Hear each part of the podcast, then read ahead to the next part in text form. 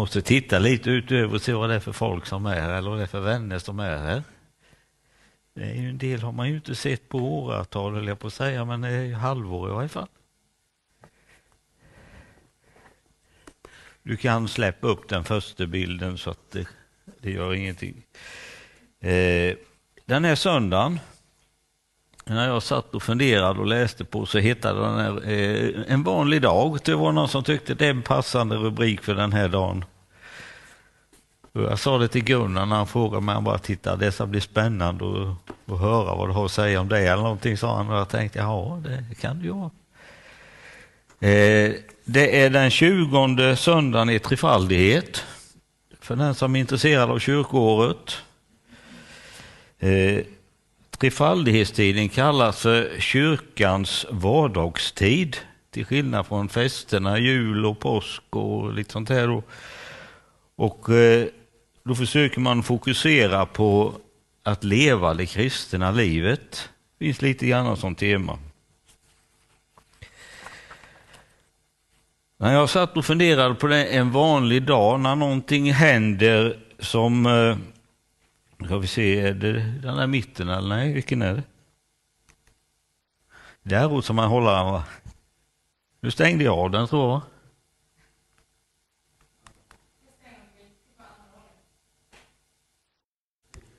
Det.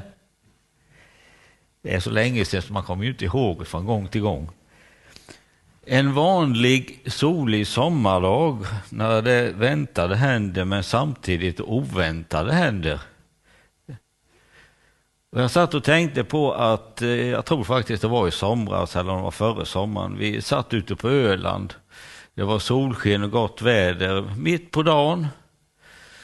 Och eh, som vanligt, eller vanligt och vanligt, men alltså det man väntar sig det är att det dyker upp någon husvagn någon med förtält som ska sättas upp och ett tält. Eller, och mycket riktigt så dök det upp. Rätt vad det var en bil med en husvagn utanför och stannade. Och...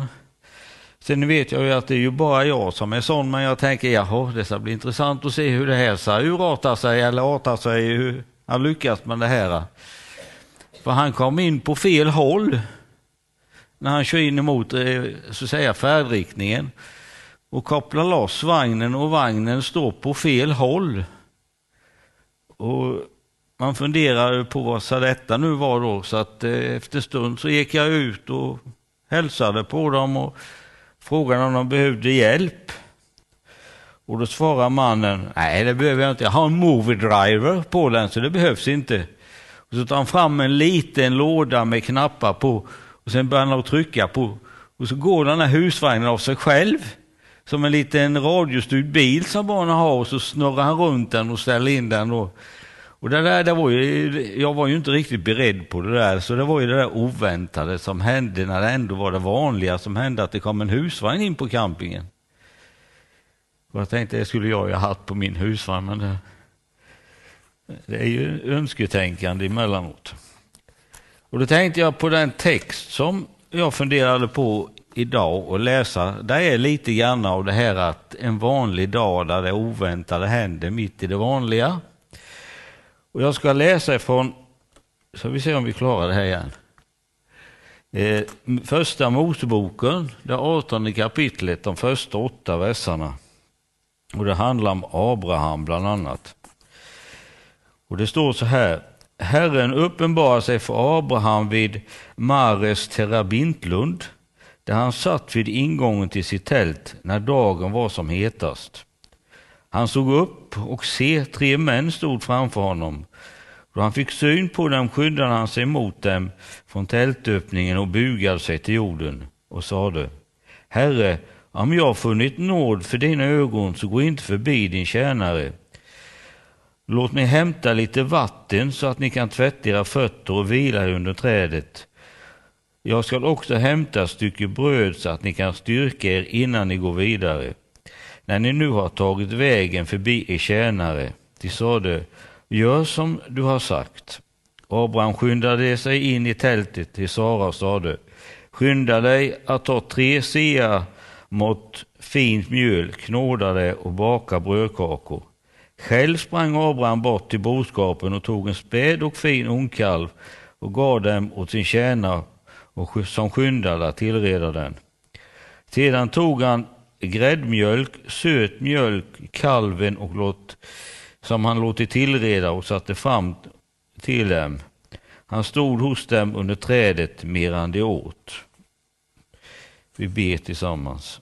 Herre, tack för att du vill hjälpa oss att få ut någonting ifrån detta till hjälp för det som ligger framför. I Jesu namn. Amen. En vanlig dag. Huvudpersonen i den här texten vi läste, det är Abraham. Och eh, man kan ju säga direkt när man läste att eh, jag tänkte för mig själv när en gång i tiden skrev någon uppsats att här skulle man tala om att innan i början i inledningen att vad det var man hade kommit fram till och sen skulle man förklara detta i ett antal eh, sidor varför man har kommit fram. Och här får vi ju egentligen reda på direkt första meningen att det är Herren som dyker upp. Men det vet ju inte Abraham när han fintar hela. Men lite grann om Abraham. Han var 99 år vid det här tillfället ungefär. Och är det någon ni vet som fyllde 99 år igår? Evert, jag fyllde 99 år i år så att eh, eh, Abraham var rik, han var en storbonde, han hade mycket djur och mycket folk omkring sig. Hade vi läst några kapitel tidigare där det står om att Lot, hans brorson, blir tillfångatagen och eh, borttagen ifrån Sodom där han bodde, så står det om att Abraham samlade sina 318 vapenföra och bästa män och gav sig iväg efter de här som hade tagit Lot. Och räknar man lite grann och snurrar på de här siffrorna så är det en rejäl skara med folk han har omkring sig, Abraham, som han leder. Tänker man sig att de är 318 som är stridsföra och kapabla män och så finns det en del till och sen är de gifta och har barn. Vi är på snudd uppemot eh, en bit över tusen personer, närmare oss Hillestorps storlek i folkmängd. Där de sitter ute vid och han leder så att eh, det är ju ingen eh, ensam man som sitter någonstans i ett tält. Det hela. Och sen står det att han var i Terabintlund i, eh, heter det Manasse, Mares Terabintlund. Det var han som ägde den här marken där han fanns. Terabint. Jag hittade faktiskt en bild på, det är en buske eller träd som kan bli mellan 6 och 8 meter hög och som har ätliga frukter på sig. Och eh, de utvann grön terpentin ifrån de här träden, så det hade en viss lukt och eh, det var under de här träden som de satt och svalkade sig bland annat. Men Abraham han satt själv i öppningen till tältet när det var som hetast. Han gjorde som jag gör, han sökte skuggan när det är varmt. Och om han satt och dåsade eller riktigt vad han gjorde det vet jag inte men helt plötsligt så tittade han ju upp och får han sitt. oj då, det står tre herrar framför mig här vid. Och då eh, är ju frågan, de här tre männen, vilka var dessa männen? Ja, nu har det ju redan avslöjats delvis i texten, men eh, när man har funderat för Abrahams del, så det första ni reagerar på det är att det är tre vandringsmän, kanske affärsmän, som kommer på vandring. Och det var på den här tiden så att när man skulle vandra så gick man upp tidigt på morgonen. Sen vandrade man på dragen fram till det började bli så hett och då sökte man upp någonstans där man kunde svalka sig och få skugga och vila till solen lite började gå ner och då fortsatte man sin vandring en bit till. Så mest troliga är ju att, och utifrån när man läser texten när det står om att han tilltalar med Herre, så är det, har inte Abraham fattat att det är Gud själv eller Jesus som är där utan han tror att det är vanliga människor som är, då, som är ute på vandring och han vänder sig till. Eh, deras det andra som funnits och som en del att ta fram, det är att det är treenigheten. Det är alltså Gud, Fadern, Fadern, Sonen och den helige Ande som dyker upp. Och det föreställs på den här ikonmålningen som jag hittade, det är en ryss ortodox som har gjort den en gång i tiden. Eh, det som föreställer det Fadern i mitten och ifrån er sida på vänster sida är det Jesus och sen är det den helige Ande som sitter på andra sidan. Det är alltså de tre som är. Men mot det kan man säga att det finns inget ställe i Bibeln, inget omtalat där Fadern uppträder i mänsklig gestalt. Jesus säger ju själv att ingen har sett Fadern utan Sonen som har gjort honom känd. Däremot så alltså finns ju när man läser Gamla Testamentet eh, treenigheten, Fadern och Sonen och den finns ju när man läser det hela då, men eh, det är ett annan sak. Det tredje och det som texten talar om det är ju att den som för talan det är Herrens ängel eller Jesus själv och sen har han ju två andra änglar med sig. Vilka de var det vet vi ju inte men eh, vi vet att deras resmål var egentligen Sodom och Gomorra. Det, dit var de på väg för att kolla hurdant läget var och se vad de skulle göra åt denna platsen. Det finner vi när vi läser efteråt.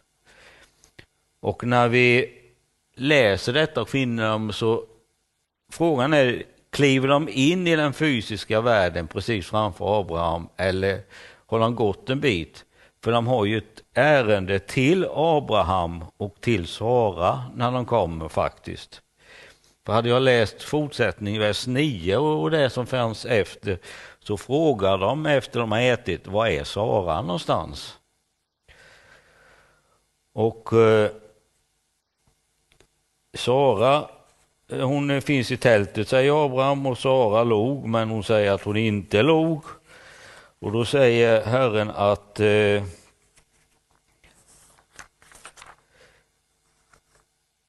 Visst, du log, men när jag kommer tillbaka om ett år, då skall du ha en son. Och Sara som tänker samma sak som Abraham hade gjort ett tag innan, Om jag hade läst lite tidigare i texten här att vi är ju gamla.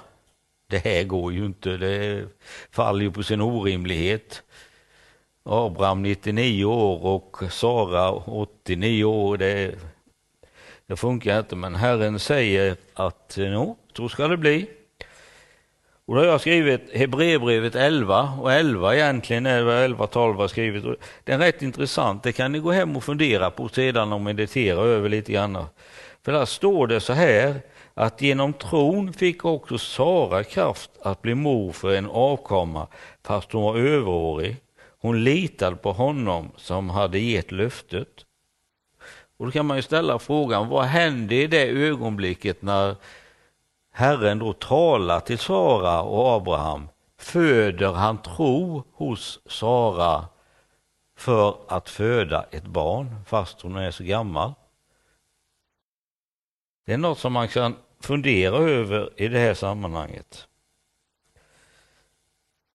Och man kan också nu börja fundera på när upptäcktes Abraham att oj då, det här är inga vanliga vandrare. Jag tänkte på när eh, sjöng om sången om kvinnan vid brunnen. Hur var det där egentligen? Hon upp, kvinnan uppfattade inte vem Jesus var. Det avslöjar Jesus själv förrän till slut att han är Messias. Och sen tänkte jag på Emmausvandrarna. De upplever, kände inte heller igen Jesus efter uppståndelsen. Inte förrän han bröt brödet vid det tillfället. Så upptäckte han, eller de, vem det var de hade i sällskap. Fastän de hade känt av, och det kanske gjorde Abraham med, här, en känsla av att det finns något speciellt med de här människorna som jag har nu framför mig här vid. Och då till Abrahams bemötande utav de här eh, tre personerna vid. Och då säger jag, hoppar jag till Hebreerbrevet för att titta på det. För den här texten har använts tidigare. Det är så här att den här texten är borta ur kyrkårets texter utan någon anledning från 2004. Men innan dess så handlade väldigt mycket om de här texterna om gästvänlighet eller gästfrihet. Och eh, de hänvisar man till hur Abraham gjorde och skötte sig och han står att han bjöd in dem, han gav dem mat och på olika sätt gjorde han. Och när jag funderade på detta och tittade så konstaterade jag att gästfrihet det är en yttre handling som har sitt svar mot en inre hållning hos människan. Och då man läser texten där så står det ju då enligt eh, folkbibeln, bröder, bli kvar i broderkärleken. Glöm inte att visa gästfrihet, ty genom gästfrihet har somliga fått änglat till gäster utan att veta om det. Och eh, man har tolkat den här texten att de syftar just på detta med Abraham, att han fick ju gäster, han fick änglar till besök. Vi vet att Gideon fick det i Gamla Testamentet och Simsons föräldrar fick det också, så att det är inte bara Abraham som helt plötsligt har änglar till besök. Tittar man tillbaka på det här när man läser i Hebreerbrevet och funderar lite, så var det så på den här tiden och eh, när man läser så syftar det mer på kärleken inom församlingen, inom den kristna gemenskapen, än bara rätt ut, även om den finns med i alltså gästfrihet för främlingen. Och Det var så att många gånger då de här människorna som kom till tro, satte sin tillit till Jesus, en del fick inte vara kvar där, de fanns de blev utkörda och de var en del vandrade runt omkring. Och då var det en uppmaning till eh, de troende att ta vara på och möt och hjälp dessa som kommer. Det kan ju vara någon som har ett budskap som kommer faktiskt till er. Och samtidigt så var det att var många rädda. Det fanns inte mycket värdshus, men det fanns väl något ställe att bo på. Men de var inte heller så attraktiva för den kristne att bo på.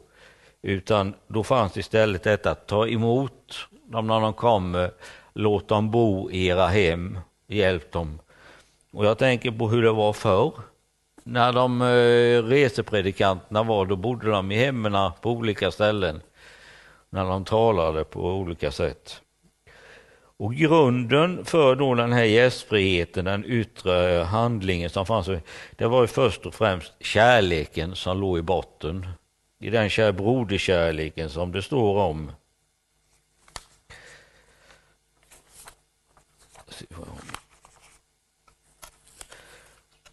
Och Jesus hade ju själv sagt till sina första lärjungar att ni ska älska varandra så som jag älskat er. Det är det som står i Johannes som eh, finns där då, att de skulle vara.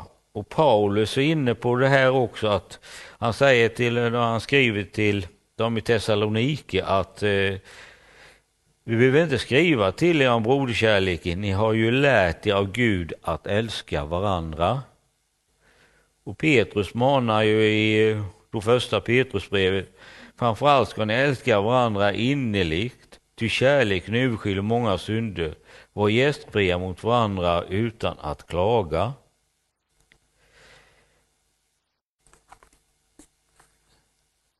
Eh, i bibelöversättningen, eller den tolkningen som kallas en messenger, som jag har framför mig här vid, faktiskt, när man tittar så skriver han inte broderkärlek när han är översatt, utan han skriver så här, håll sams med varandra, älska varandra, ställ upp för varandra. Det var han innefattar, den här mannen eh, i sken, eh, han hette, ja, han var lärare i grekiska, hebreiska i varje fall, som tolkade hela och eh, handlar om att ha omsorg om varandra i det hela. Samtidigt så skulle man då ha en beredskap att kunna göra gott och göra väl och hjälpa de hela då. Va?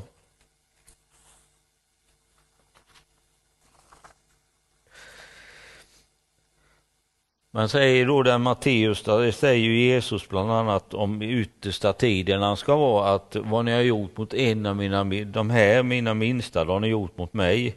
Alltså det vi gör mot människor, det blir i slutändan något som vi gör mot Jesus själv. Paulus eh, talar i Galaterbrevet om att vi inte ska tröttna på att göra gott. Och i, i Fesebrevet så säger han ta på i bredvillighet i skon. Var beredda att göra det som är, eh, är bra eller det som är positivt. Och möta människors gästvänlighet.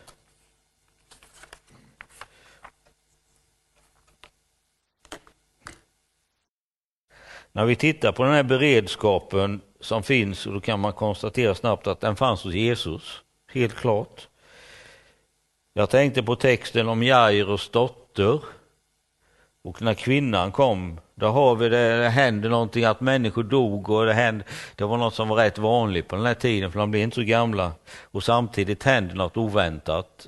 Jesus är beredd att ta hand om det hela och sköter det. Lärjungarna kan man finna det, jag tycker man märker det de gjorde som tradition var de gick till bönen i templet.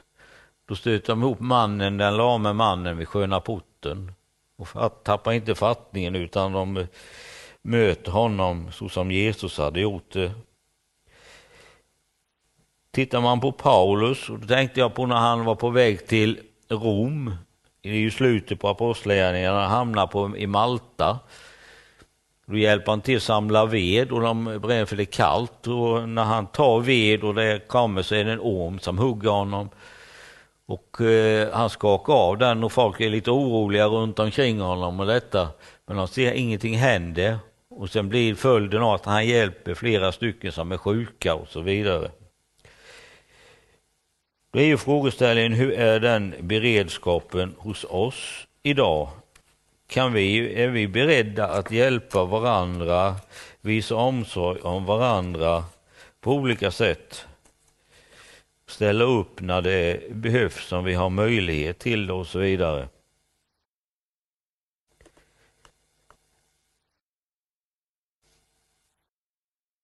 En vanlig dag, ja det kan ju vara vad som helst som händer egentligen. Herren när han pratar då säger han ju att när den heliga ande kommer över skall ni få kraft och han hade ju en plan att vi ska inte behöva själva hålla på med det här utan han vill ge oss, eller ville ge och gav den heliga ande och vi kan få del av den. Och han ger oss något, om vi säger handlingskraft, för den kraft han talar om, det är inte bara någon paket utan det är yttringen av den här kraften, om man säger när man tänder på en eh, påskasmäll eller en eh, bomb, så det som sker när det går, det är den kraften det handlar om. Och jag tänkte för mig själv och när jag kom att eh, när vi lever inför framtiden och det som är så borde vi leva med knäppta händer i beredskap för att kunna hjälpa till och visa omsorg i det som ligger framför oss.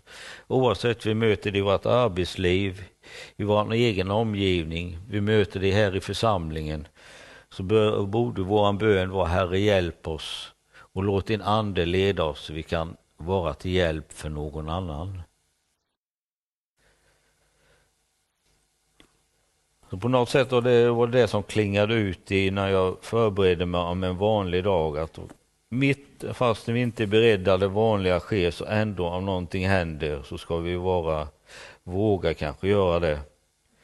Och det dök upp en liten händelse som berättades, vet jag, den, många har nog hört den kanske, men det var då på, när den karismatiska väckelsen var. Då var det en eh, man eller kvinna som bodde i en trappuppgång eh, med flera lägenheter. Helt plötsligt upplever de att eh, de ska köpa toalettpapper och gå till och ringa på dörren på andra sidan trappuppgången och lämna in det här toalettpappret. Och det kan ju tyckas vara jätteknepigt och konstigt att lämna över, köpa toalettpapper och lämna. Men personen i frågan gör detta, för han upplever att anden manar, och det visar sig att när de ringer på och de öppnar dörren så talar de om att hela familjen ligger i maginfluensa och toalettpappret är slut.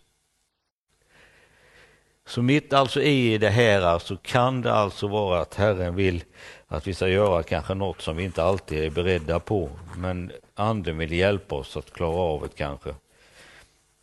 Och det kan vara som sagt vara väldigt praktiska saker. Nu ska vi be tillsammans och lägga fortsättningen i Herrens händer. Herre, tack för att vi får läsa om hur du har verkat på olika sätt. Hur du kom till Abraham och inte för att testa honom och se om han var duglig nog, utan för du i din kärlek till honom och det som låg framför ville göra någonting och du hade utvalt Abraham.